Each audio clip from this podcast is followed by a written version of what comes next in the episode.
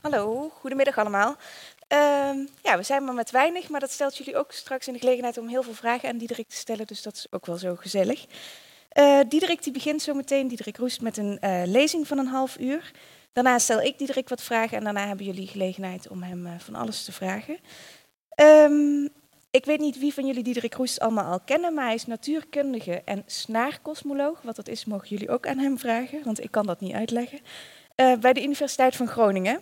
En hij gaat van alles vertellen vandaag over de aarde, de zon, de seizoenen, de maan, uh, het zwarte gat en de melkweg, begreep ik. Dus uh, Diederik, ga je gang.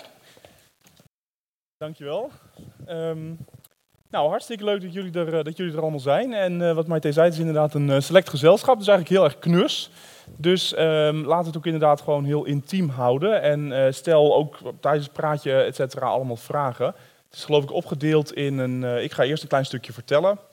Vervolgens zijn er wat, uh, wat, vragen van de officiële interviewster. En uiteindelijk mogen jullie mij ook het hemd van het lijf vragen. Maar dat mag ook gerust tijdens, de, tijdens het praatje zelf hoor. Dus onderbreek me gerust.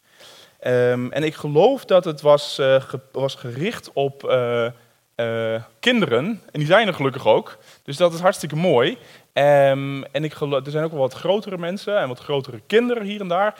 Um, dus wat ik ga doen, denk ik, is het eerste half uur het redelijk, uh, redelijk simpel houden, hoop ik. Ik zal jullie heel veel vragen stellen. Er zitten hele slimme kinderen in de zaal, uh, hoorde ik. Al de top 10 van uh, de wetenschapsquiz van vanochtend is aanwezig. Um, dus ik ga jullie ook heel veel vragen stellen. En nou ja, hopelijk gaan we met z'n allen zien hoe mooi wetenschap is en hoe mooi het heelal is. En eigenlijk in het bijzonder wat ik jullie het eerste half uur uh, duidelijk wil maken, is één ding. Dat is namelijk dat we, je denkt misschien het heelal, dat is waanzinnig groot, waanzinnig ingewikkeld. En, en dat is het ook. Maar er zijn ook hele simpele dingen aan. En je kunt al op hele simpele manieren heel veel te weten komen over het heelal. Het verrassende is zelfs, dat weten jullie eigenlijk allemaal al. Um, en dat krijgen we, dat kunnen we, daar kunnen we achterkomen, dat komen we te weten, door eigenlijk twee dingen te doen en twee dingen te gebruiken. We gebruiken onze ogen, we observeren, we nemen waar, we kijken wat we zien. En we gebruiken onze hersenen. En we interpreteren wat we zien. En of we dat uit kunnen leggen, of we dat kunnen verklaren. En door die twee dingen te doen, kunnen we ons een beeld vormen van wat er in dat enorm grote heelal zich afspeelt. En dat is eigenlijk precies wat wetenschap is. We zien iets, we waarnemen iets. En vervolgens gaan we dat interpreteren. Experiment en theorie. Ik ben zelf theoreticus, maar ik zal ook een aantal, uh, aantal dingen van, uh, van waarnemingen laten zien. Um, nou, we gaan nu deze wetenschappelijke methode, kun je natuurlijk op alles toepassen. We gaan het vanmiddag toepassen op het heelal, het hele universum. Waanzinnig groot. Laten we ietsje dichter bij huis beginnen. Hoe heet de planeet waarop wij wonen? De, zeg het maar, de aarde, hartstikke goed. Hoe groot is de aarde zo'n beetje? 100 kilometer, 1000 kilometer, 100.000 kilometer? Wie biedt? Wat is de straal van de aarde? Doodse stilte. Volwassenen mogen ook schreeuwen, 15.000, hartstikke goed. Het is 6.000 kilometer. De straal is zo'n 6.000 kilometer. En dat betekent dat de omtrek zo'n 40.000 kilometer is. Kunnen we naar de pretsie van mij uh, schakelen? Ah, oh. Nee, hij staat hier gewoon aan. Mijn computer... Uh... Ah, daar is hij. Hartstikke mooi. Um, dus dit gaan we doen. Hè. We gaan uh, op reis door het heelal en we gaan hopelijk zelfs aankomen bij de oerknal. Maar daar zijn we voorlopig nog niet. We gaan um, eerst kijken naar de aarde. Wat ik zei, de aarde is zo'n 6000, de straal van de aarde is zo'n 6000 kilometer. Nou, dat is de aarde, daar wonen wij op. Stel dat we ietsje verder gaan. Welk hemellichaam komen we dan als eerste tegen? Wat staat het dichtst bij de aarde? Gok maar hoor. Nee, nee, nee. Vier letters heeft hij. Zeg het maar. De maan, hartstikke goed. Hoe ver staat de maan zo'n beetje van ons vandaan? 300.000 kilometer. Bijna goed, 400.000 kilometer, volgens mijn informatie. En ik heb het op moeten zoeken op Wikipedia, want dat weet ik natuurlijk helemaal niet uit mijn hoofd. Um, zo ver staat de maan ongeveer vandaan, bij ons vandaan. Dat is zo'n tien keer een rondje om de aarde. Een rondje om de aarde, dat was 40.000 kilometer. De maan staat zo'n 400.000 kilometer bij ons vandaan. Komt u binnen, ik hoop dat u allemaal plekken kunt vinden. Goed dat het volstroomt. Wellicht zit het hier helemaal bomvol aan het einde van de lezing, dat is mooi. Um, nou, gaan we nog verder. Wat gaan we dan zien? Jij noemde al een van de dingen. Venus, en dat is een van de planeten. En al die planeten die draaien een rondje om de om de zon. Precies. Hoe ver staat de zon bij ons vandaan? Ja, dat is belachelijk ver. Niemand weet dat. Dat is ook een hele grote afstand. Dat is ook heel onhandig om te onthouden. Ik zal het even, ik, ik heb het opgezocht. Het is zo'n 150 miljoen kilometer. Maar dat is zo'n grote afstand, daar kan je helemaal geen voorstelling meer bij maken. En wat we dan doen, is dat we een andere maat gaan gebruiken. Dat zien jullie hier ook beneden staan. Dat is heel raar eigenlijk. Ik praat niet meer over lengte, kilometers, maar ik praat nu opeens over een tijd. Acht minuten. Wat zou dat nou met die afstand te maken kunnen hebben? Ja. De lichtsnelheid heeft er zeker mee te maken. En wat betekent acht minuten dan? De, de, le- licht van de zon du- du- doet acht minuten over om de aarde Precies. In plaats van over 150 miljoen kilometer praten we over de tijd die licht erover doet om van de zon naar de aarde te vliegen. En dat blijkt zo'n acht minuten te zijn. Dus dat is heel grappig om je te realiseren. Hè, dat als nu op dit moment de zon uit zou gaan, merken we daar iets van op aarde? Helemaal niks. Acht minuten later pas wordt het hier heel donker. Ja, dat klopt. Dus dat zijn de zon, de aarde en de maan. En jullie zien hier natuurlijk ook al alle andere planeten. Venus werd al genoemd en er zijn natuurlijk veel meer planeten. Nou, we gaan nog even iets meer erover nadenken. En daarom heb ik allemaal schaalmodelletjes meegebracht. Dit is de zon, ja, die staat hier. En vervolgens heb ik hier ook de aarde meegebracht. Dit is vandaag de aarde. En deze sinaasappel, deze mandarijn. Mandarijn, het woord zegt het al. Dit is de maan. Ja. Ehm, en wat we vooral gaan doen is, we gaan nadenken over beweging van deze drie dingen. Laten we beginnen met de aarde. Ik leg de mandarijn weer even weg. We beginnen met de aarde. Dit is vandaag de aarde.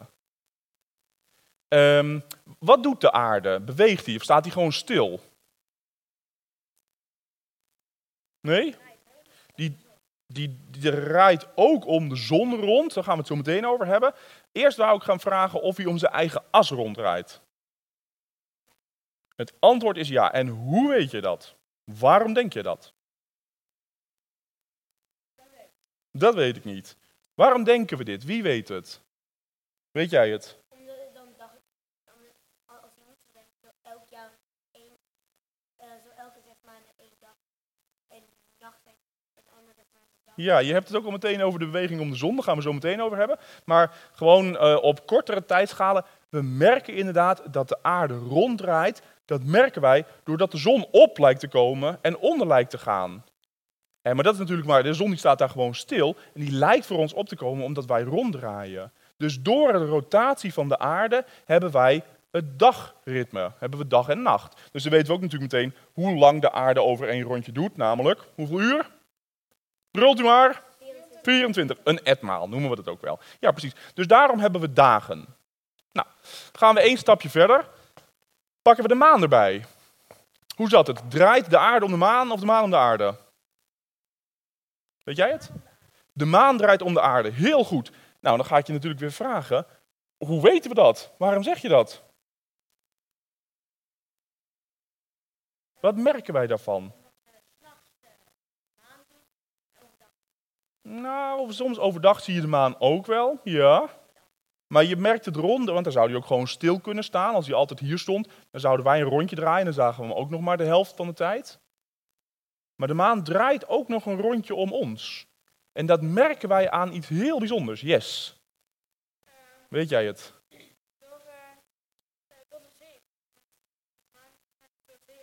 Ja, dat, Dat klopt, de getijden, eb en vloed, het heeft inderdaad met de maan te maken. Maar wederom, ook al zou de maan hier gewoon staan, eb en vloed komt door het feit dat wij elke 24 uur een rondje draaien. En daarbij verstoort de maan een klein beetje het eh, zwaartekrachtsveld van de zon. En door die verstoring wil al het water natuurlijk ietsje liever aan die kant zijn, want het voelt de zwaartekracht van de, van de maan. En daarom hebben wij getijdenwerking, daarom hebben wij eb en vloed. Maar dat staat los van het feit dat de maan ook zo een rondje draait. En dat doet hij wel en dat merken wij ook. En jij hebt al heel lang je vinger omhoog. De maanden. De maanden. Ja, dat is wel toevallig inderdaad dat het een maand heet. En wat gebeurt er elke maand? Wat verandert er aan de maan tijdens zo'n beetje 30 dagen? Ja? Staat altijd twee dagen, een volle maan. Volle maan. Halve maan. Nieuwe maan, precies. Dat gebeurt precies elke maand zo'n beetje, of eigenlijk elke 28 dagen. Maar daar komt dat precies vandaan. Het feit dat we dat een maand noemen, komt omdat de maan in 28 dagen om ons heen draait. En dat zien we inderdaad aan dingen als volle maan, halve maan, nieuwe maan, omdat, dat weten jullie ook wel, een mandarijn zelf geeft natuurlijk geen licht. Dus die zouden we niet kunnen zien. De enige reden dat we de maan kunnen zien, is dat hij het zonlicht weerkaatst. Maar dan moet hij natuurlijk wel op de goede plaats staan. Dus als hij bijvoorbeeld hier zou staan, zo'n beetje tussen ons en de zon in, dan kan die helemaal geen zonlicht weerkaatsen naar ons toe. Dus dan zien we nauwelijks maan. Zien we misschien maar een heel dun fliebertje maan. Heet het nieuwe maan. Maar wachten we een kwart maand, dan is de maan hier naartoe gedraaid. En dan kan het zonlicht weerkaatst op de maan. En dan kunnen we prachtig deze kant van de maan kunnen we prachtig zien. Dat noemen we halve maan. Het is trouwens een prachtig moment om de kraters op de maan te bekijken. Als het halve maan is, zie je met gewoon het, blote oog zie je prachtig alle kraters op de maan, precies op de scheidslijn tussen helder en donker. Nou, wachten we nog een week, een kwart, een kwart maand, dan staat de maan hier en dan is het inmiddels volle maan natuurlijk, want dan valt het volle zonlicht op de maan en dat weerkaatst allemaal naar ons toe. En vervolgens wachten we nog een halve maand en heeft hij het rondje helemaal volgemaakt. Dus dat is wat er elke maand gebeurt. Maanden hebben we te danken aan het ritme van de maan om ons heen. Ja? Nou, dan gaan we nu natuurlijk nog naar die grote jongen daar, die staat te stralen. Sommigen van jullie hadden het er al over. Draaien wij om de zon, draait de zon om ons? Mag je natuurlijk, dat weten we allemaal. De aarde draait om de zon. Um, hoe lang doet hij daarover en hoe merken we dat? Ja. Hij doet er een jaar over. Dit is wat we een jaar noemen. In een jaar gebeurt er helemaal dit. Ja, en dan nog de andere helft van het rondje ook. Dit was een half jaar wat ik net heb gedaan. En hoe merken we dat? Waarom denken we dat?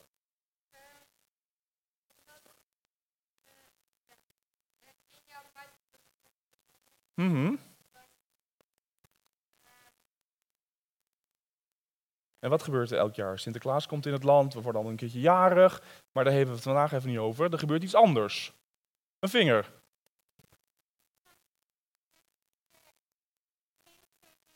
Hartstikke goed. De seizoenen. De eerste woordjes die je kunt. Hartstikke goed. Tien punten voor de, voor de achterste rij. Alle seizoenen. Winter, lente, zomer, eh, herfst. Uh, dat zijn de vier seizoenen. En dat komt inderdaad precies in een jaar komt dat voor. Dus zou dat iets te maken hebben met dat rondje om de zon? Wie kan dat uitleggen? Weet jij het?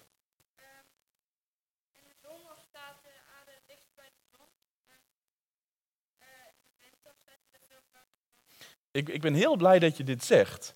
Uh, en helaas is het niet het goede antwoord. Je vader die schudt al een beetje. Ik hoop dat je nog mee terug mag rijden.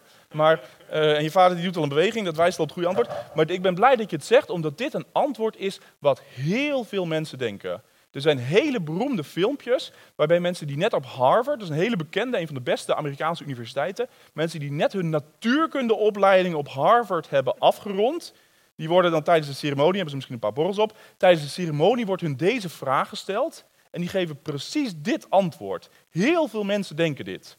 En de reden waarom ze dat denken is inderdaad omdat de aarde niet een perfecte cirkel om de maan doet, maar wat we een ellips noemen. Een beetje een afgevlakte uh, afgevlakte cirkel. Dus je hebt helemaal gelijk, het klopt dat de aarde hier ietsje verder van de maan staat. Ik zal het even gruwelijk overdrijven. En hier dichter bij de zon staat.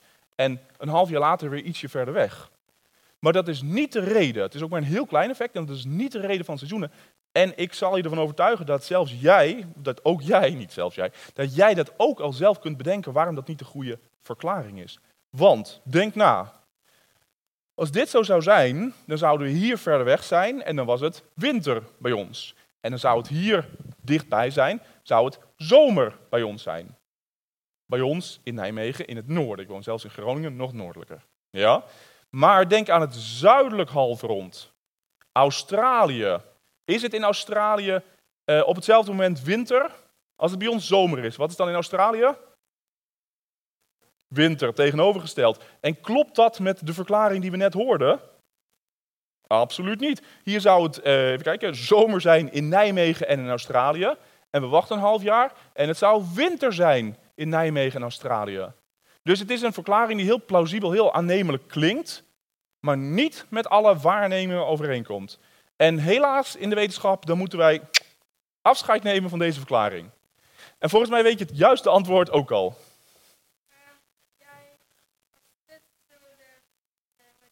Ja, de rotatieas van de aarde. Precies. Er staat een kleine knik. Ehm, ik moet zeggen, meestal gebruik ik een appel en dan jas ik er een flinke brein al doorheen. En dan is het wat makkelijk te draaien, maar de appels waren bij ons vandaag op. Dus uh, toen heb ik maar het spiegel van de kinderen gesloopt.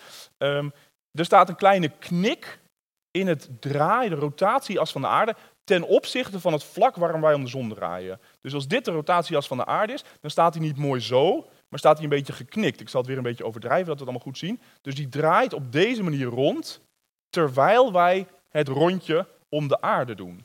En dat legt precies uit waarom het zomers warmer is. Want stel je maar voor, wij wonen hier in het noorden, dat is deze kant. Nu staan wij heerlijk richting de zon gekanteld. Dus hebben wij het veel warmer. Het zuiden daarentegen is deze kant, is naar die, die kant gekanteld. Dus die krijgt effectief veel minder zonlicht. En daar is het dus winter. Wachten we een half jaar, de aarde draait natuurlijk vrolijk door, zowel om zijn as als om de zon. Zijn we hier aangekomen, zes maanden later, dan zien we dat de situatie precies is omgekeerd. Op dit moment is het zuiden heerlijk naar de zon gekanteld. Daar is het nu winter, eh, zomer. En wij, het noorden, zijn nu richting de andere kant gekanteld. Dus nu is het bij ons winter. Kouder. Ja, zo zit het precies. Als je nog verdere vragen hebt, straks een heleboel gelegenheid voor. Precies, is er weinig verschil. Ja, op de evenaar is het verschil tussen de seizoenen heel klein. En waar is het verschil tussen de seizoenen dus ook heel groot?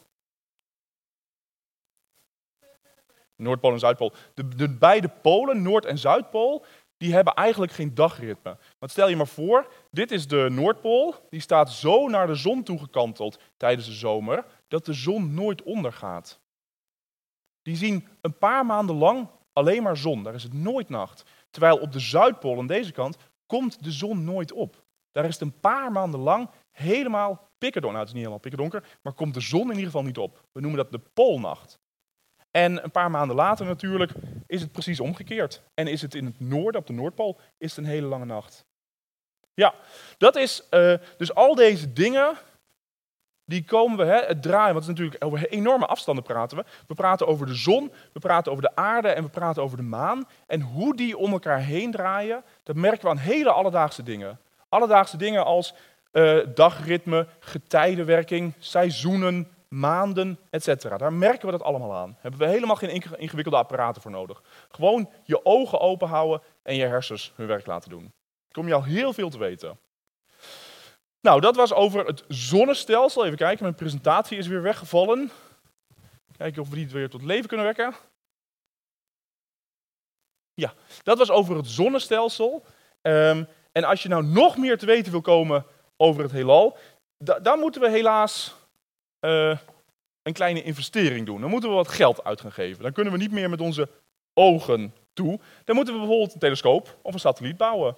En dat hebben we dan ook gedaan.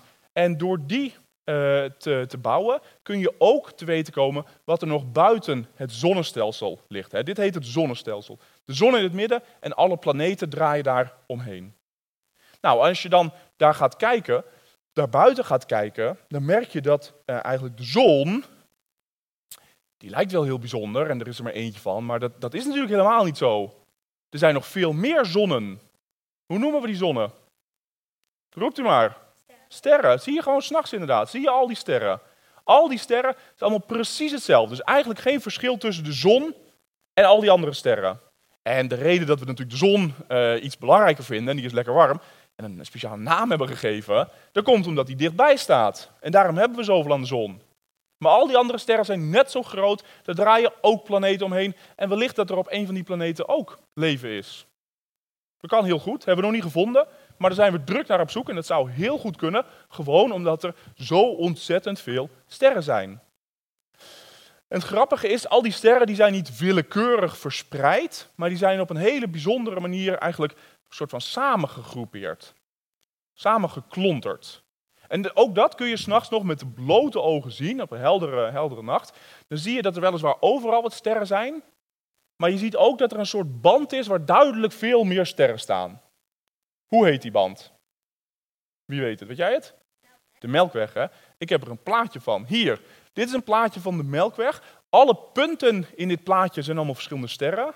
En die zijn eigenlijk samengeklonterd in een soort van pannenkoek. Dus wij zijn een van die sterren en er zijn heel veel andere sterren om ons heen. En die zijn samengeklonterd in een grote pannenkoek. En die pannenkoek, dat noemen we de Melkweg. En dat is precies wat je s'nachts ziet. Als je in de richting van die pannenkoek kijkt, dan zie je veel meer sterren. Vraag. Wat zei je? Ja, waarom heeft de Melkweg de vorm van een pannenkoek? Dat blijkt een stabiele uh, verdeling van sterren te zijn. Ze draaien allemaal om iets heen. En door dat ronddraaien is het wat stabieler. Het is heel grappig, je ziet eigenlijk precies dezelfde structuren op verschillende schalen terug in het heelal. We begonnen bij de aarde en daar draait de maan omheen.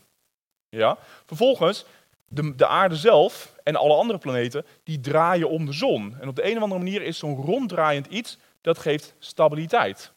En wederom, onze zon en alle andere sterren, die draaien ook met z'n allen om iets heen, om het midden van de Melkweg. Wat is er in het midden van de Melkweg? De hoogste vingerwind. Een zwart gat, een heel groot zwart gat. Um, wat is een zwart gat, moet je dan vragen? Een zwart gat, um, dat is iets waar zoveel massa is en zoveel um, gewicht is samengeklonterd, dat het alles aantrekt wat maar in de buurt komt. En onder dat alles valt ook licht. Zwarte gaten trekken ook licht aan. Die trekken zo hard aan licht dat licht niet meer kan ontsnappen. En als, iets, als licht ergens niet aan kan ontsnappen, dan betekent dat dat dat geen licht uitzendt. En wat voor kleur heeft het dan? Zwart. We zien het helemaal niet meer. Ja, je vraagt je misschien af, hier, dit is het, de Melkweg. Um, nou, dit is trouwens niet de echte Melkweg, want daar hebben we geen plaatjes van. Want dan zouden we heel ver weg moeten met onze satelliet. Jullie zien al hier hoe ver we weg zouden moeten. 100.000 jaren licht, 100.000 eh, lichtjaren. Zo ver kunnen wij natuurlijk niet, want zo, zo, lang hebben wij nog helemaal geen raketten. Dus dit is niet onze eigen Melkweg, maar dit is een sterrenstelsel waarvan we denken dat het er heel erg op lijkt. En ook in het midden van dit sterrenstelsel staat een zwart gat. En jullie vragen je natuurlijk af, waarom zien we dat niet? Nou, dat komt omdat er allemaal andere sterren voor dat zwarte gat langs draaien. En die zenden allemaal wel licht uit, dat licht kunnen we wel zien. Maar we, werken, we merken nog steeds de invloed van dat zwarte gat aan het ronddraaien van al die sterren om het middelpunt van het sterrenstelsel. Dus we weten dat er zwarte gaten zijn eigenlijk in het centrum van alle sterrenstelsels. En dit blijkt de configuratie te zijn die de meeste sterrenstelsels hebben aangenomen. Um, dat is onze eigen vertrouwde melkweg. Dat is één sterrenstelsel. Is dit het enige sterrenstelsel in het heelal? Nee. Eigenlijk, het heelal is zo groot, er is altijd nog wel ruimte voor meer. Dus als er één sterrenstelsel wordt gebouwd, dan zijn er altijd heel erg veel sterrenstelsels. En dat klopt ook, er zijn miljoenen, zelfs miljarden sterrenstelsels. En een van de dingen die we afgelopen eeuw zijn gaan doen, en dat is wel echt waar we eindelijk onze satellieten en telescopen voor nodig hebben gehad. Een van de dingen die we zijn gaan doen, is we zijn eigenlijk een soort van kaart gaan maken voor sterrenstelsels. Dus we hebben gekeken en we zagen in onze telescopen, kijk eens aan, daar staat nog een sterrenstelsel. Eh, op zo en zoveel afstand, zoveel lichtjaar. En daar staat er nog één. En daar staat er nog één. En daar staat er één. En daar beneden staat er één. Dus zo hebben we een soort van kaart van alle sterrenstelsels bij ons in de omgeving van het heelal. Dat is wat ze als eerste hebben gedaan. En toen in, in tweede instantie zijn ze ook nog gaan meten of al die sterrenstelsels eigenlijk stilstonden. Of dat ze ook nog konden bewegen. En wat ze toen dachten van, nou ja, die sterrenstelsels, ja, die zullen wel kunnen bewegen. En uh, sommige zullen wel op ons afkomen. En andere gaan misschien naar links en andere gaan naar boven. En sommige zullen bij ons vandaan gaan. gewoon willekeurige richtingen. Waarom zouden al die sterrenstelsels nou met z'n allen in dezelfde richting gaan of met z'n allen op ons afkomen? He, daar was helemaal geen reden toe. Men dacht, nou, al die sterrenstelsels die zullen we ongeveer in willekeurige richtingen vliegen. Maar dat is niet wat ze vonden. Ze vonden iets heel erg bijzonders. Wat ze vonden was dat alle sterrenstelsels bij ons vandaan gingen. Ja, daar word je wel een beetje stil van, hè? want misschien heeft iedereen een hekel aan ons, al die sterren. Misschien stinken wij wel, of wat, waarom wil iedereen bij ons vandaan? Eerst was dat een hele grote verrassing. En dachten ze, hoe kan dat nou? Al die sterrenstelsels, en we echt honderden gemeten, En eigenlijk zonder uitzondering gaan die allemaal bij ons vandaan. Rara, hoe kan dat? Nee, de snelheid is niet hetzelfde. Je wil meer informatie, merk ik. Ja, nee, er is een, eh, een eh, relatie tussen hoe ver weg ze bij ons zijn en hoe snel ze bij ons vandaan gaan. En hoe verder weg ze zijn, hoe sneller ze zijn. Zo, Hoe sneller ze bij ons vandaan gaan. Dat heet de wet van Hubble. Ja, hoe leggen we dit uit? Weet jij het? De heelal uit. Het heelal groeit. Heel goed. Het heelal groeit. En dat was, daar, daar had men helemaal niet over nagedacht dat het natuurlijk ook nog kon. Daar had men helemaal nooit bij stilgestaan. En pas doordat we dit vonden, ik heb er geloof ik ook nog een plaatje van. Doordat we dit vonden, hier zien jullie het, het, het, de, al die snelheden die we hebben gemeten. Dit zijn wij, de melkweg, dat zijn wij. En al die wolkjes, dat zijn verschillende sterrenstelsels. En die groene pijltjes geven snelheid aan. Dat is de richting waarop ze vandaan gaan. En je merkt dat alle pijltjes eigenlijk bij ons vandaan gaan. En toen heeft men bedacht van, nou, dat, dat klinkt eerst heel erg bijzonder, heel erg frappant. Maar inderdaad, eh, toen had men een heel slim idee en dacht, allemaal wacht eens even. Dat is eigenlijk wel logisch, dit is precies wat je verwacht te meten in een heelal wat groeit. Want als het hele heelal steeds groter wordt, dan groeien daarmee ook alle afstanden in dat heelal. En als alle afstanden groeien, nou, dan merken wij dat door te zien dat al die andere sterrenstelsels bij ons vandaan gaan. Dus eigenlijk wat we hier hebben gemeten is niet alleen maar iets over de snelheid van een paar kleine sterrenstelseltjes bij ons in de buurt. We hebben iets gemeten over het hele heelal. Het heelal in zijn geheel is aan het groeien. En dat hebben we gewoon gemeten, daar zijn we achtergekomen door te kijken naar al deze sterrenstelsels. Wederom waarnemen, in dit geval met satellieten en telescopen, en nadenken. En op die manier zijn we erachter gekomen dat het heelal aan het groeien is. En je noemde ook al iets heel slims. Eh, Heb je nu een vraag hierover?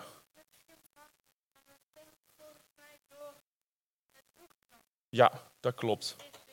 Dat klopt. Ja. Nou, de oerknal is niet meer bezig, maar wel de gevolgen van de oerknal, die merken we nog steeds.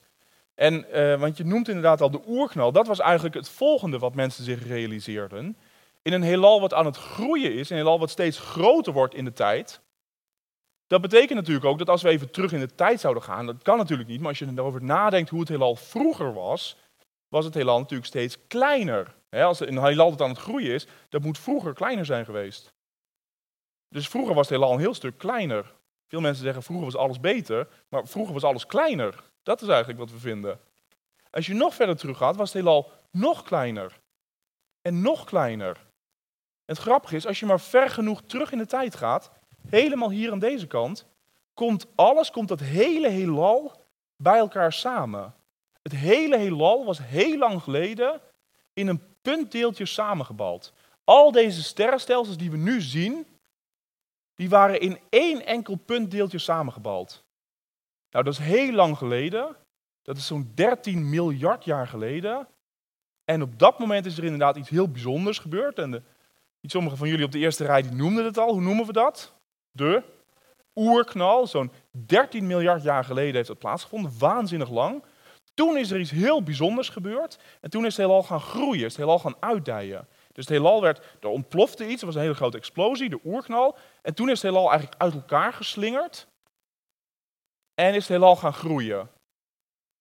En eigenlijk de enige reden dat het heelal nu zo waanzinnig groot is, is omdat die oerknal zo ontzettend lang geleden plaatsvond. En daardoor heeft het heelal zo ontzettend lang de tijd gehad om te groeien. En is het zo ontzettend groot geworden. En de effecten van die oerknal, die merken we dus nog steeds aan het uitdijen, aan het groeien van het heelal. Waardoor alle sterrenstelsels om ons heen nog steeds bij ons weggeslingerd worden. Al deze pijltjes, dat is nog allemaal het gevolg van die explosie 13 miljard jaar geleden. Dat is, dat is het idee van de oerknal. Een idee van een groeiend heelal, een uitdijend heelal. En van die oerknal langs, lang, lang geleden, dat komt allemaal doordat we vonden dat alle sterrenstelsels uit elkaar eh, groeiden, uit elkaar eh, werden weggeslingerd. Nou, dat weten we al sinds eh, zo'n beetje 1920, 30, 40. Inmiddels hebben we daar veel meer bewijs voor. En eigenlijk wat we nu nog proberen in de sterrenkunde en de theoretische natuurkunde, is die hele geschiedenis van het heelal in kaart brengen en begrijpen. En het grappige is eigenlijk van die 13 miljard jaar geleden, van hier, nu, tot helemaal aan die kant, waar ik de oerknal nadeed, daar snappen we een heel erg groot gedeelte van. En het enige eigenlijk waar we nog aan werken, dat is die allereerste seconde na de oerknal. Toen het heelal heel klein was, ook heel warm, heel veel energie was samengepakt. En toen is er iets gebeurd waardoor het heelal boem zei en is gaan groeien. Dat is ook een van de dingen waar ik zelf onderzoek naar doe. En uh, ik weet niet precies hoe laat het is, uh, Maite, maar... Oké, okay, we hebben nog een paar minuutjes. Nou, anders doen we alvast wat vragen. Maar, Heb jij een vraag? Dat heeft toch wel iets te maken met donkere energie? Uh, donkere energie heeft daar wel iets mee te maken, maar niet zozeer met de oerknal. Laten we er even vasthouden. Dit is nu, en de oerknal die was hier helemaal aan deze kant. Dus dat is allemaal lang, lang geleden. Donkere energie is eigenlijk belangrijk hier, want wat we hebben gemerkt is dat deze pijltjes, dat geeft de snelheid aan, dus de groeisnelheid van het heelal. Wat we hebben gemerkt is dat de groeisnelheid van het heelal aan het toenemen is. En dat is een hele grote verrassing. Dat staat allemaal los van de oerknal. Dat wisten we al heel lang. Dat wisten we al sinds uh, zo'n beetje een eeuw. Maar toen dachten we, oké, nou ja, prima, dat willen we dan nog wel accepteren. Het klonk in eerste instantie een beetje raar, zo'n oerknal. Prima, daar gaan we aan, dat willen we wel slikken. Maar wat, nou ja, toen heeft het heelal uh, boem gezegd, is het gaan uitdijen. Maar wat er dan moet zijn gebeurd, is dat het heelal weliswaar aan het uitdijen is, aan het groeien is, maar dat die groeisnelheid steeds minder moet worden. En waarom dachten we dat met z'n allen? Nou, omdat er allemaal zwaartekracht zit tussen alle onderdelen van het heelal. Al die verschillende sterrenstelsels die trekken elkaar aan.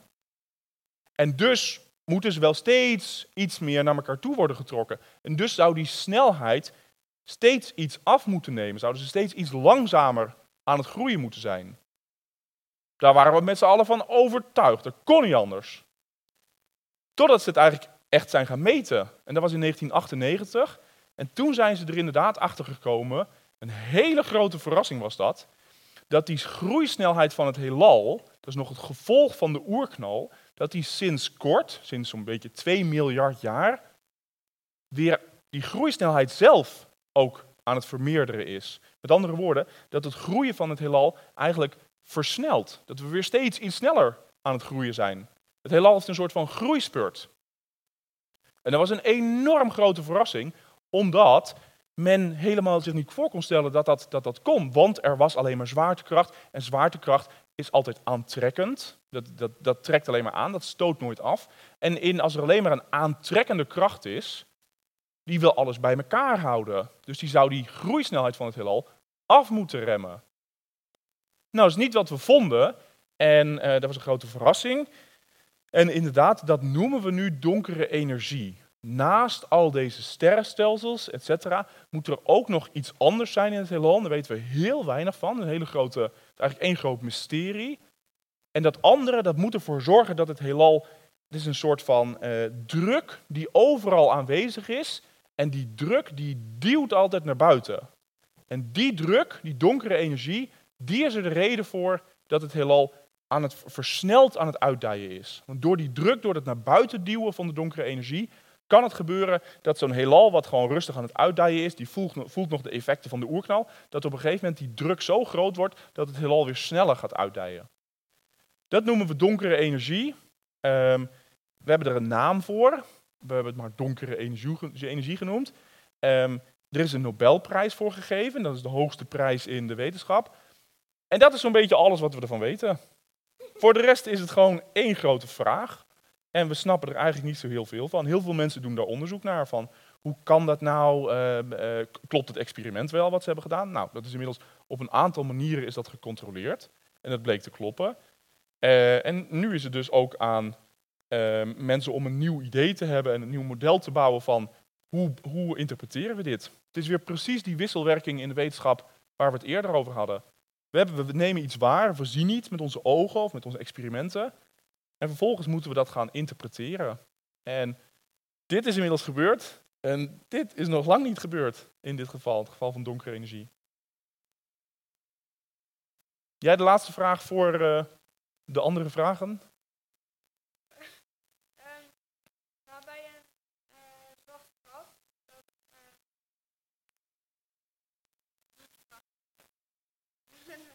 De vraag ook in het zwarte gat verdwenen.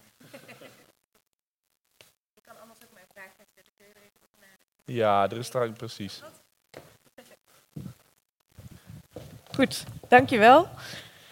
Staat mijn microfoon aan? Ja, volgens mij wel. Um ik wou eerst nog even iets meer weten over die oerknal. Ja, Eh, want je zei ja, dat allereerste deel eh, eh, van die oerknal, daar hebben we nog vragen over. En dat ben ik zelf aan het onderzoeken om te kijken wat is er nou gebeurd dat we die oerknal hebben gekregen. ja Dan klopt. ben ik wel benieuwd hoe je dat onderzoekt, want zoiets is Ja. super lang geleden. Ja, het is heel lang geleden. Ehm, en dat is dus daarom ook zo moeilijk. Hè? Die oerknal, dat blijft natuurlijk een beetje mysterieus, omdat het zo lang geleden is. En er dus ook heel weinig eigenlijk overblijfselen van zijn. Maar het grappige is, we kunnen toch nog steeds, eh, door naar hele bepaalde straling te kijken in het heelal, kunnen we nog steeds een soort van, ehm, ja, de sporen van de oerknal kunnen we nog steeds, eh, kunnen we nog steeds meten. En die sporen vertellen ons iets, niet direct iets over de oerknal, maar die vertellen ons iets over hoe het heelal er een, een paar honderdduizend jaar na de oerknal uitzag.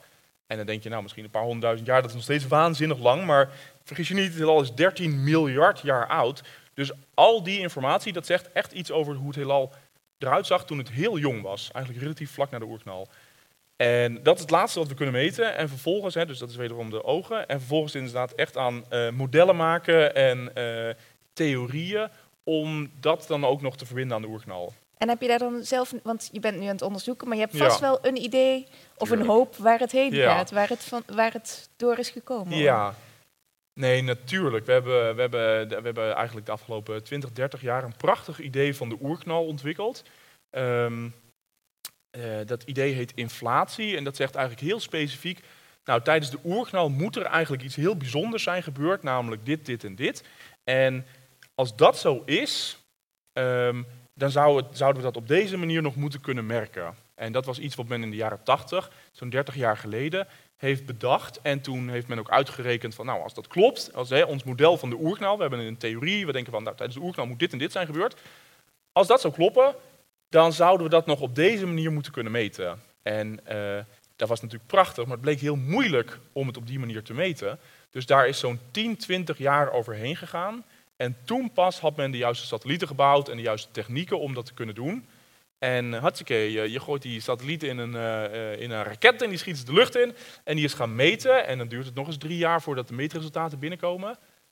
En toen was het natuurlijk heel spannend, want klopt het dan wat we hadden bedacht met z'n allen? Ja, daar was ik niet bij hoor, maar bij dat bedenken. maar, um, en dat was natuurlijk heel spannend en het bleek allemaal perfect te kloppen. Dus dat, is, dat vond ik ook wel uh, ja, waanzinnig. Dat je, um, dat je aan de ene kant, nou, door dit soort waarnemingen van, van sterrenstelsels die uitdijen, dat je iets leert over een heelal wat steeds groeit. En als je denkt van, oh, dan denk je van, oh, maar wacht even, een heelal wat steeds groter wordt, dat was dus vroeger steeds kleiner. Oh, wacht eens even, een heelal wat vroeger steeds kleiner was. Als je dan ver genoeg teruggaat, was het heelal in een enkel puntdeeltje samengebald. En dat je dan vervolgens theorieën kunt bouwen over die tijd, 13 miljard jaar geleden. En aan de hand van die theorieën kun je uitrekenen wat daar nog steeds van over zou moeten zijn. En dat je dat dan ook nog steeds kunt meten. Dat is maar, uh, waanzinnig. Ja, dat, dat lijkt me wel. Maar denk je Ja. soms ook wel eens van, uh, misschien klopt het allemaal niet wat we denken? Want uh, je zei net al over dat, uh, je had een foto van het sterrenstelsel waarin wij zitten. Ja. Um, of nee, ons melkwegstelsel, zo moet ik het Ja. zeggen. En je zei, nou ja, dat is natuurlijk niet een echte foto, want we Nee, kunnen dat, dat eigenlijk klopt. helemaal niet zien. Dus Ja. we denken dat het zo zit. Ja. Um, en denk je wel eens, bijvoorbeeld al die planeten die ergens naartoe gaan, die, die sterrenstelsels, misschien uh, is er iets wat wij niet kunnen zien, wat nog uh, aantrekkingskracht op ze heeft, of Ja. ook zwaartekracht Ja. heeft. En misschien klopt Nee. het helemaal niet wat wij allemaal denken. Nou, dat is een he- hele goede vraag. En dat moeten we natuurlijk inderdaad in de wetenschap ook met z'n allen altijd blijven doen. Je moet altijd openstaan voor andere verklaringen. En ehm, ja, kijk, wij zijn uiteindelijk natuurlijk ook maar gewoon mensen. En we hebben ook eh, onze voorkeur qua theorieën. En het stomme is, dan ga je natuurlijk voornamelijk met mensen praten die dezelfde voorkeur hebben. Dus dan word je alleen maar bevestigd. Maar gelukkig zijn er ook altijd mensen die eh, heel graag... eh, nou ja, een beetje dwars liggen, professionele dwarsliggers, die altijd andere dingen voorstellen. En uh, dat is ontzettend goed. En 9 van die 10 andere dingen zullen niet kloppen.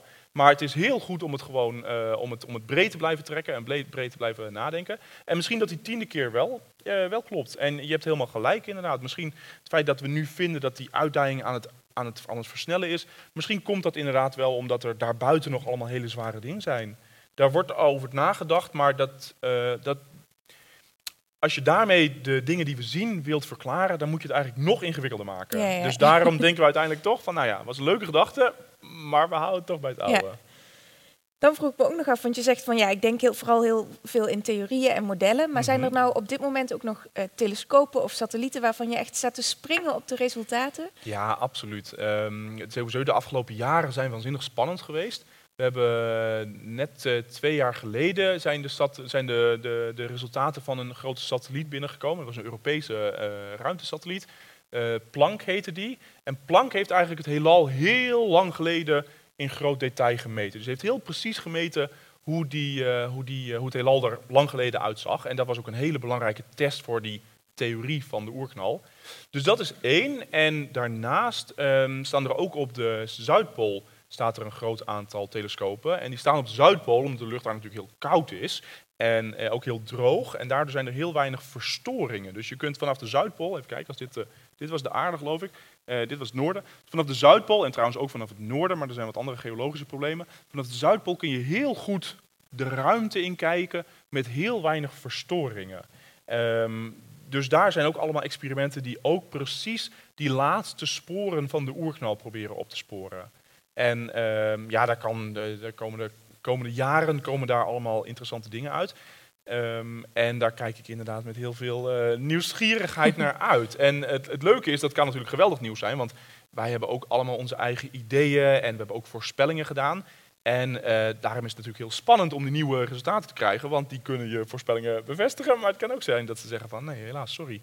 Dat eh zat toch iets anders dan Ja. wat jullie zeiden. Ja. Eh, nog één laatste vraag voordat ik naar jullie toe ga. Jij was ooit ook een kleiner jongetje.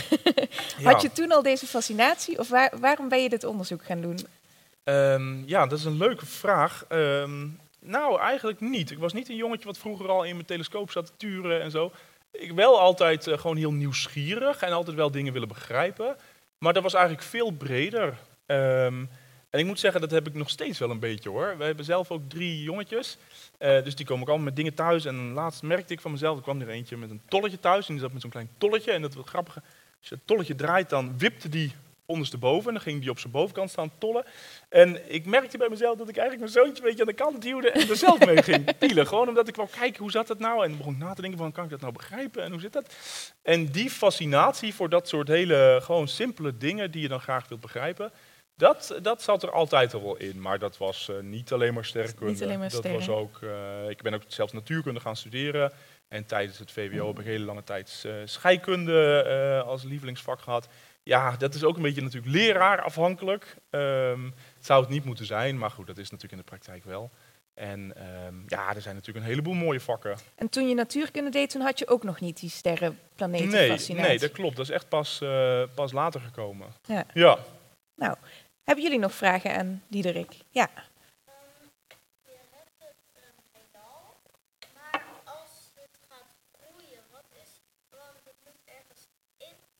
Ja, ja, ja, ja? Ja, dat is een hele goede vraag die mij wel vaker wordt gesteld. En ik moet altijd bekennen dat ik het niet weet. Dat is een, eh, een hele, hele, hele, hele goede vraag, ook een hele logische vraag. Maar heel moeilijk om te beantwoorden. En het grappige is. ehm, het grappige is, we weten heel veel. Het heelal is heel groot en daar hebben we heel veel in gezien. Maar we kunnen niet oneindig ver kijken. En dat komt natuurlijk in de eerste plaats doordat onze telescopen en satelliet niet, satellieten niet oneindig goed zijn. Maar zelfs al zouden ze wel oneindig goed zijn en elk individueel lichtdeeltje precies kunnen pakken, dan nog steeds konden we niks te weten komen over het hele heelal. En de reden daarvoor heeft met twee dingen te maken.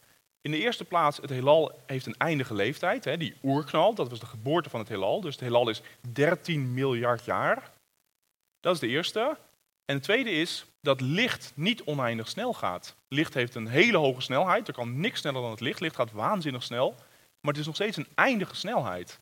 Dus dat licht heeft in die eindige leeftijd van het heelal ook een eindige afstand af kunnen leggen. Ongeveer 13 miljard lichtjaar. En, en dus dat is het, eigenlijk het einde van wat we kunnen zien. En daarbuiten, daar kan van alles zijn. En daar hebben we, hebben we nog niks aan kunnen zien, omdat al die dingen die er zijn, die zenden waarschijnlijk ook licht uit. En sommige, zo'n klein gedeelte van het licht komt precies onze kant op. Maar dat licht heeft nog niet genoeg tijd gehad om echt bij ons te komen. En als eerst was het heel erg klein en was het even ook nog steeds klein, dat we het niet kon zien. En Ja, hoe zou het dan gekomen zijn dat het heelal er is? ja dat zijn hele goede vragen. Zeg maar, ja, daar kunnen we uren over praten. Wat was er voor de oerknal? We hebben geen flauw idee. Wat ik net zei, het heelal is 13 miljard jaar oud. En van die 13 miljard jaar begrijpen we eigenlijk 99,999999999999999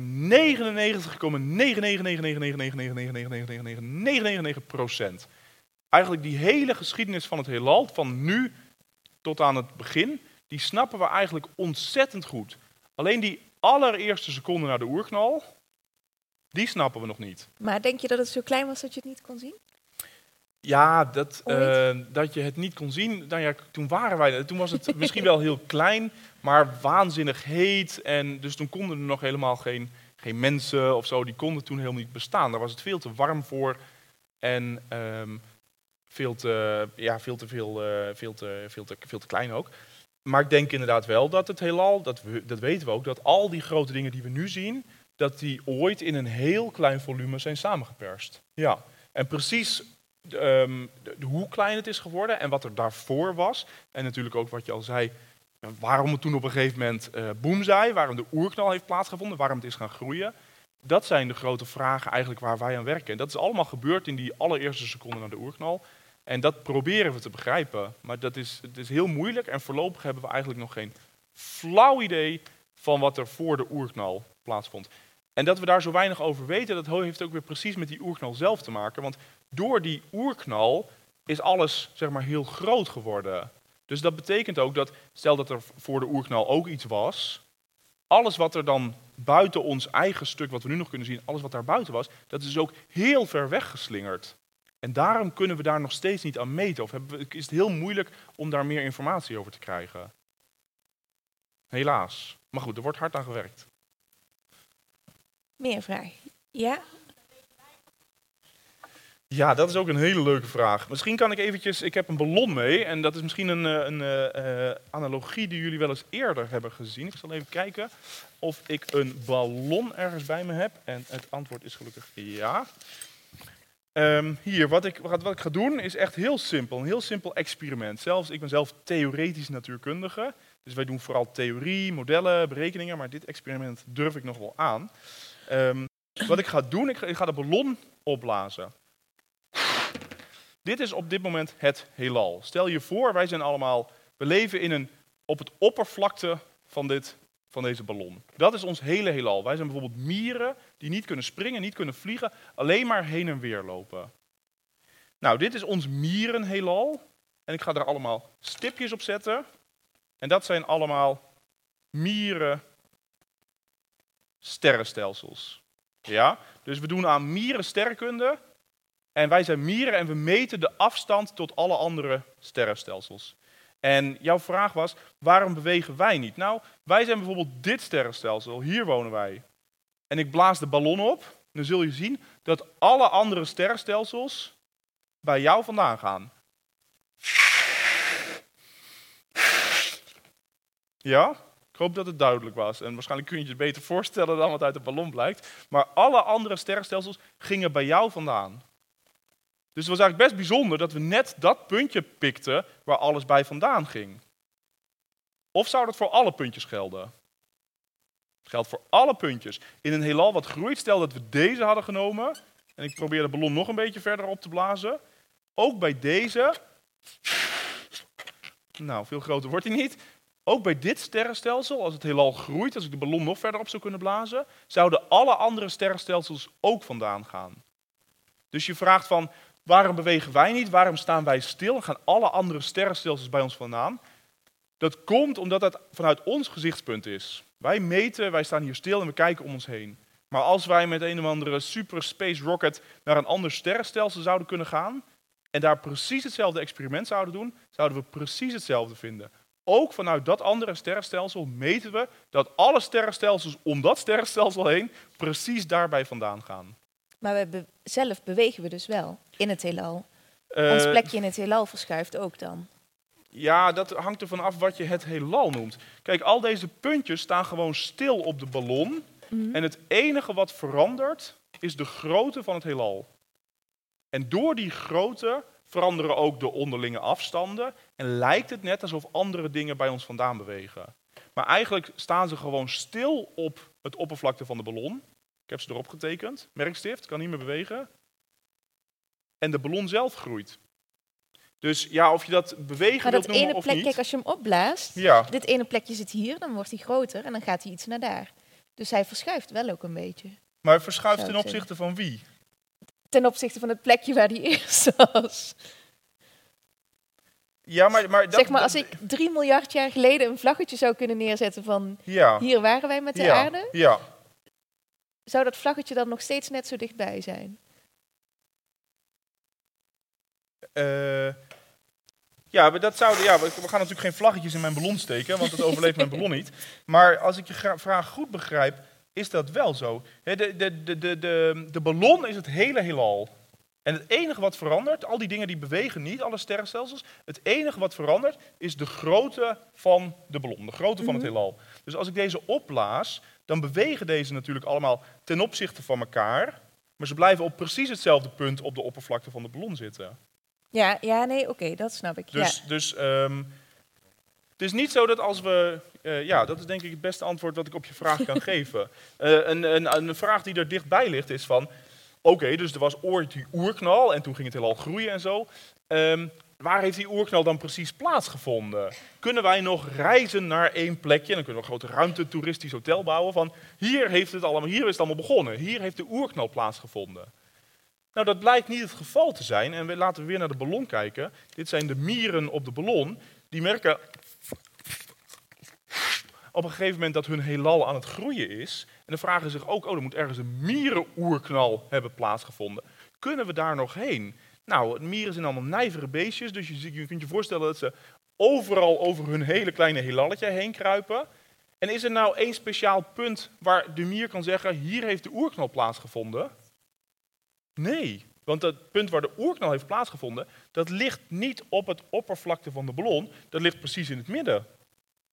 Dus het punt waar die oerknal heeft plaatsgevonden, dat hoort niet meer bij het latere heelal van de mieren. En, ehm, en dat kun je je nog voorstellen bij een, bij een oppervlak. Dit is een tweedimensionaal oppervlak dat kan groeien in een derde ruimte, een derde dimensie. En eigenlijk bij ons heelal is het precies hetzelfde. Wij zijn een driedimensionaal heelal. En je kunt je voorstellen dat wij aan het groeien zijn in een vierdimensionale ruimte. Ja. En eh, die oerknal die heeft ergens plaatsgevonden, maar dat punt dat ligt niet meer in ons huidige heelal. Ja, je moet oppassen dat je geen hoofdpijn krijgt als je hierover nadenkt. want Het is natuurlijk heel ingewikkeld. Jij had nog een vraag.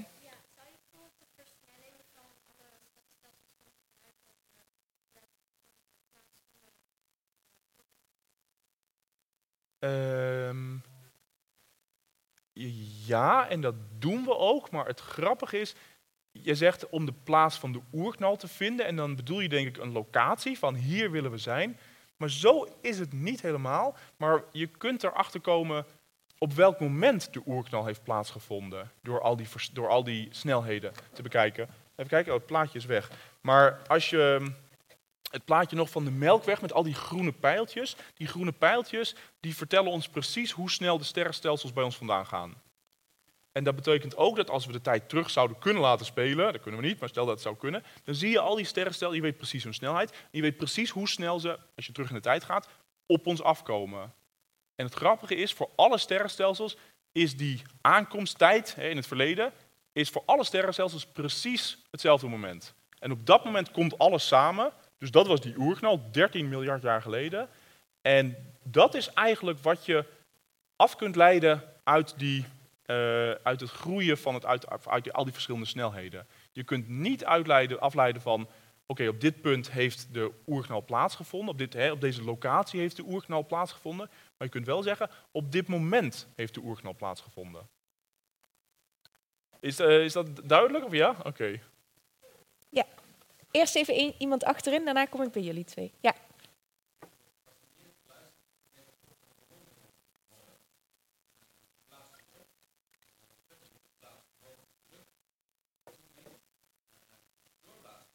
Ja. Ja, hele leuke vraag. Ehm, voor zover wij weten niet. Eh, daar hebben we geen enkele aanwijzing voor dat we daar bang voor hoeven te zijn. Maar je zou je het ook, natuurlijk ook voor kunnen stellen, om weer bij de eh, analogie te blijven, dat ook de mieren die hier mierensterkkunde bedrijven, dat die ook nog niet hebben uitgevonden dat een ballon op een gegeven moment gaat, klap, gaat knappen. Ehm, en dat staat hun natuurlijk wel te wachten als ik maar verder genoeg blaas. Dus eh, we kunnen natuurlijk altijd een verrassing hebben, maar uit alle theorieën blijkt dat niet, het, daar, daar, is geen enkele aanwijzing voor.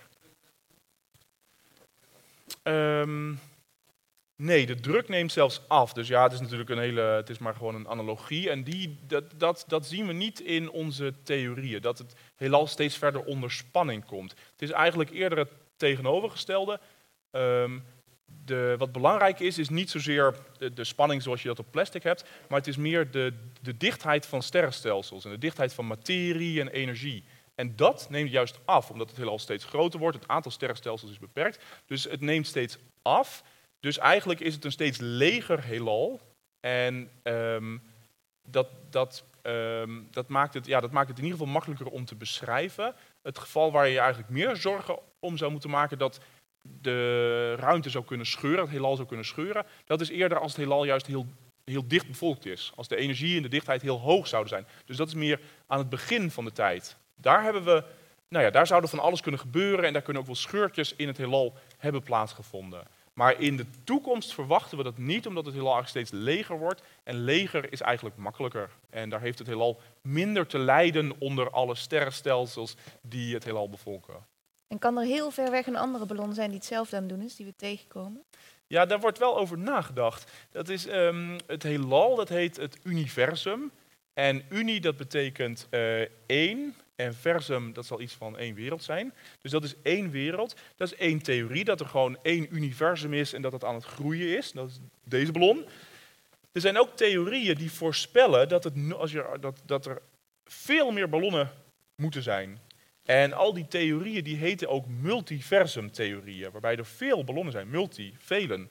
Um, en inderdaad, in dat geval kan het gebeuren dat hier een ballon wordt opgeblazen, dat verderop, hè, dus dit is één heelal, dat verderop een andere ballon wordt opgeblazen en dat er ergens een grens is tussen die beide werelden. En inderdaad, dat als je maar ver genoeg in de tijd wacht, dat die grens bij ons, um, dat die twee ballonnen gaan botsen eigenlijk. Um, ja, dat, uh, dat kan gebeuren, maar dat is natuurlijk op hele grote uh, tijdschalen. Ja. Dus dat gaat niet uh, morgen gebeuren of zo. Maar dat kan gebeuren dat we over miljarden jaren um, eigenlijk een ander heelal gaan tegenkomen. Ja. Ja, nog een vraag. Ja, je hebt over scheurtjes in het heelal. Wat is dat dan? Dat ruimte in het heelal? Wat, wat een scheurtje in het heelal is? Ja, wat is, er moet iets zijn om te scheuren. Dus wat is dat materie dan? Ja. Ja. Nou, wat er zou kunnen scheuren, maar dat, dat gebeurt nu niet meer hoor. Maar dat heeft gebeurd. Dat, misschien, heeft dat gebeurd, misschien is dat gebeurd in het, ehm, ehm, vlak na de oerknal, toen er nog heel veel materie, heel veel energie was. En wat dan scheurt, ehm, ja, dat is eigenlijk de ruimte zelf. En we noemen het ook wel ruimtetijd. Want Albert Einstein heeft ons geleerd dat we eigenlijk, denken we vaak, we leven in drie dimensies. Hè, hoogte en breedte en lengte. Maar Einstein die zei van eigenlijk is de tijd precies hetzelfde. Dus je moet over iets wat, iets wat we leven allemaal in ruimtetijd. Dat noemen we de vier dimensies. Ehm, en, en dat is iets, wat is heel grappig. Ruimtetijd, dat kun je je voorstellen als een soort van, ehm, als een soort van raster. Waar overal van die verticale streepjes, horizontale streepjes, en zo kun je precies elk punt aangeven. Is gewoon één locatie op dat raster.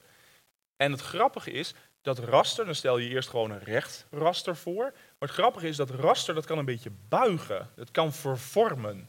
En als je hele zware dingen op dat raster legt, dan gaan al die rechte lijntjes, die gaan allemaal bijbuigen. En het grappige is dat eh, dit jaar, 2015, is het 100 jaar geleden dat Albert Einstein zijn algemene relativiteitstheorie voorstelde. Precies die relativiteitstheorie van Einstein, die, die beschrijft dat verbuigen van de ruimtetijd. Dus dat raster waarvan de lijntjes een beetje kunnen, kunnen bijbuigen als er ergens heel veel massa is. En het grappige is, nou misschien is het helemaal niet zo grappig, het zorgwekkende is, nee, daar hoef je geen zorgen over te maken. Wat kan gebeuren als er ergens heel veel massa is, dat die ruimtetijd zelf kan, kan scheuren. Dus dat zou je wel weer kunnen vergelijken ook met het oppervlakte van een ballon of gewoon een soort plastic, eh, plastic vel. Ook een plastic vel kan natuurlijk buigen als je er zware dingen in legt. En als je er hele zware dingen in legt, kan het ook scheuren. En dat kan ook gebeuren bij de ruimtetijd zelf. En dan krijg je scheurtjes in de ruimtetijd zelf. Ja, en we denken dat binnen een zwart gat, dat er een klein puntje zit in de ruimtetijd. En dat in dat kleine puntje, daar kan al die massa in verdwijnen die in een zwart gat valt. Oh, jij had ook nog een vraag, of niet? Oké, dan ga ik eerst naar jou en dan kom ik bij jou terug.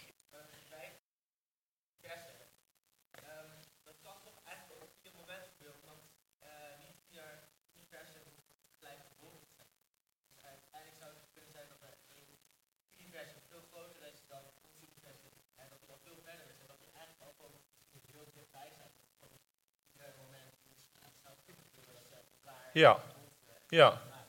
Nee, dat klopt. Wij hebben, nou ja, we hadden het net over die eh, eh, allereerste seconden na onze oerknal. We moeten nou over onze oerknal gaan praten, want we, denken misschien zijn er wel veel meer geweest. Ehm, er zijn inderdaad theorieën die, die eigenlijk voorspellen dat als er ooit een oerknal voor ons is geweest, dat er toen eigenlijk, ehm, nou, dat er dan eigenlijk altijd heel veel oerknallen moeten, zijn, moeten, moeten plaatsvinden. Ook nu nog en ook veel langer geleden dan 13 miljard jaar. Eh, eigenlijk de hele tijd. En dat in al die oerknallen er een afzonderlijk heelal wordt geboren.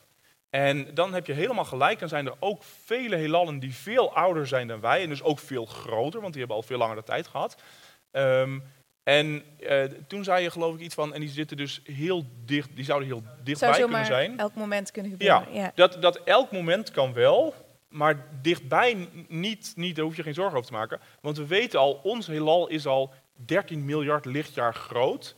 En binnen die 13 miljard lichtjaar hebben we nog geen andere heelallen gezien. Dus stel dat er zo'n andere, zo'n alien eh, universe binnen zou komen, eh, zou komen zeilen, dan zou dat eerst op hele grote afstand gebeuren. En dan zouden we het wel kunnen zien. Maar dan zou het nog minstens 13 miljard jaar duren voordat de effecten bij ons komen.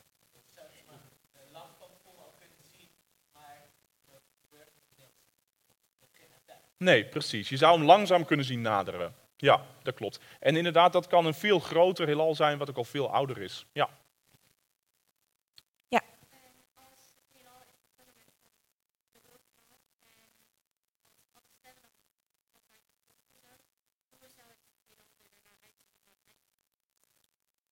Kun je hem nog een keer herhalen, je vraag?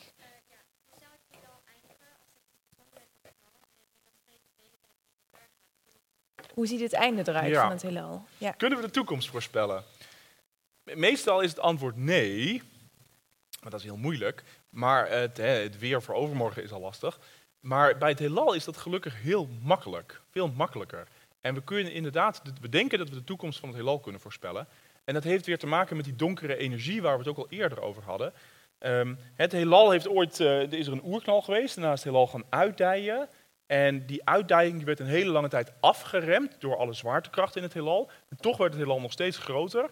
En nu is het heelal zo groot geworden dat die donkere energie, die druk die alles naar buiten duwt, dat die sterker is geworden dan de aantrekkende zwaartekracht. En daarom is het heelal niet alleen nog aan het uitdijen, maar die uitdijing gaat steeds, steeds sneller. En zo wordt het heelal nog steeds groter. En het grappige is, hoe groter het heelal wordt, die druk die blijft precies hetzelfde. Die is er altijd even sterk. Alleen de zwaartekracht wordt steeds minder, omdat alle sterrenstelsels die die zwaartekracht op elkaar uitoefenen, die gaan steeds verder bij elkaar vandaan. Dus die zwaartekracht neemt af en die donkere energie die blijft constant, dat blijkt. En daardoor gaat de versnelling van het heelal eigenlijk steeds sneller. Dus waar het heelal naartoe gaat lopen, is inderdaad eh, een helemaal leeg heelal, wat steeds sneller gaat uitdijen en waar je dus ook steeds minder sterrenstelsels zult zien. Dus die rijk gevulde sterrenhemel die we nu nog zien, die is over een paar miljard jaar helemaal bij ons weggeblazen door de uitdijing van het heelal. En dan zit je dus helemaal in je eentje.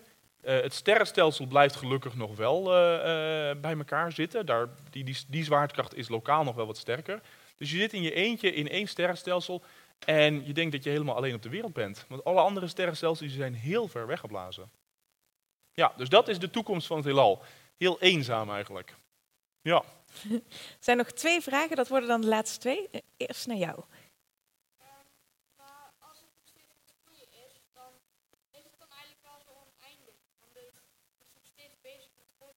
Ja.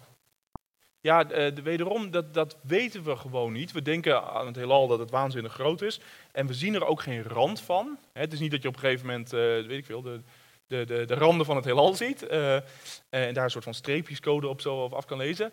Dat is niet zo, maar, maar aan de andere kant, we kunnen gewoon niet het hele heelal zien. We kunnen niet het hele heelal meten. En dat was weer, heeft te maken met jouw vraag. Dat het heelal, omdat het heelal 13 miljard jaar oud is, kunnen we ook maar, 13, nou ja, maar 13 miljard lichtjaar van het heelal meten.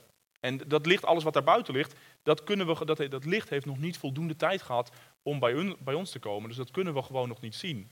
Ehm, dus ja, wat daar buiten is, daar kunnen we eigenlijk geen uitspraak over doen, want daar kunnen we nog niet aan meten. En dat zou inderdaad oneindig ver door kunnen gaan. Het zou kunnen dat er buiten allemaal andere heelallen zijn, en die misschien eh, net om de hoek liggen in een aantal miljarden lichtjaren, of dat ze nog heel ver weg zijn. Ehm, of het kan zijn dat er gewoon ergens een einde is aan alles, en dat er daarbuiten helemaal niks is, en dat je op een gegeven moment gewoon tegen een muur loopt. Het laatste, dat zie je eigenlijk in geen enkel model terug hoor. Dat is niet wat we verwachten. Het is of dat we in een oneindig heelal leven, waar het overal hetzelfde is en wat maar oneindig lang zo doorgaat. Of dat er inderdaad een soort van multiversum is, waarbij wij een soort van eh, één gebied zijn met eh, bepaalde natuurwetten en met een bepaalde soort van heelal. Dit is wat wij ons heelal noemen. En daarbuiten kunnen andere natuurwetten zijn in een ander heelal, uit een andere oerknal. En daar nog eentje, en daar nog eentje, en daar nog eentje. Eh, dat zijn eigenlijk de twee gangbare mogelijkheden. Ehm, en of er een grens aan het alles zit, dat, eh, dat weten we gewoon nog niet. Weet jij wie Huygens is? Eh, Christian Huygens, ja, ja. En heb jij een? Eh, nee, dat geloof ik niet eigenlijk. Maar ben ben jij fan van hem? Ja, de- ontzettend fan. Ik heb geen poster boven mijn bed hangen, maar ik ben wel ontzettend fan van hem. Ja, jij ook? Jij ook? Nou, we hadden, ehm, toen we za- toen we zagen dat er hier een lezing was, toen hadden we ook gekeken en toen zagen we bij, eh, toen hadden we een film, een filmpje van het Klokhuis, en daar hadden ze Ja, heel leuk. Ja, was een van de eerste mensen, eh, dat was heel bijzonder, was een Nederlander die als eerste eh, hele goede eh, dingen kon zien. Eerst echt gekeken met zijn, eh, Ja, Ja. telescoopje. met zijn telescoop. ja. Goed, ehm, we gaan hier afsluiten. Ehm, ik wou jou hartelijk bedanken je- voor je ongelooflijk heldere uitleg. Je hebt heel veel uitgelegd wat ik hiervoor niet begreep. Dus ik ben je ook persoonlijk dankbaar. Mooi zo. Eh, en ik wou jullie allemaal bedanken voor jullie ongelooflijk goede antwoorden tijdens de lezing van Diederik, maar ook voor jullie hele goede vragen. En als je er nou nog steeds geen genoeg van hebt, eh, er staan overal experimentjes en labs opgezet, opgezet hier in Lux en eh, in de kapel op het pleintje. Dus daar kun je ook nog gaan kijken. Dank jullie wel allemaal.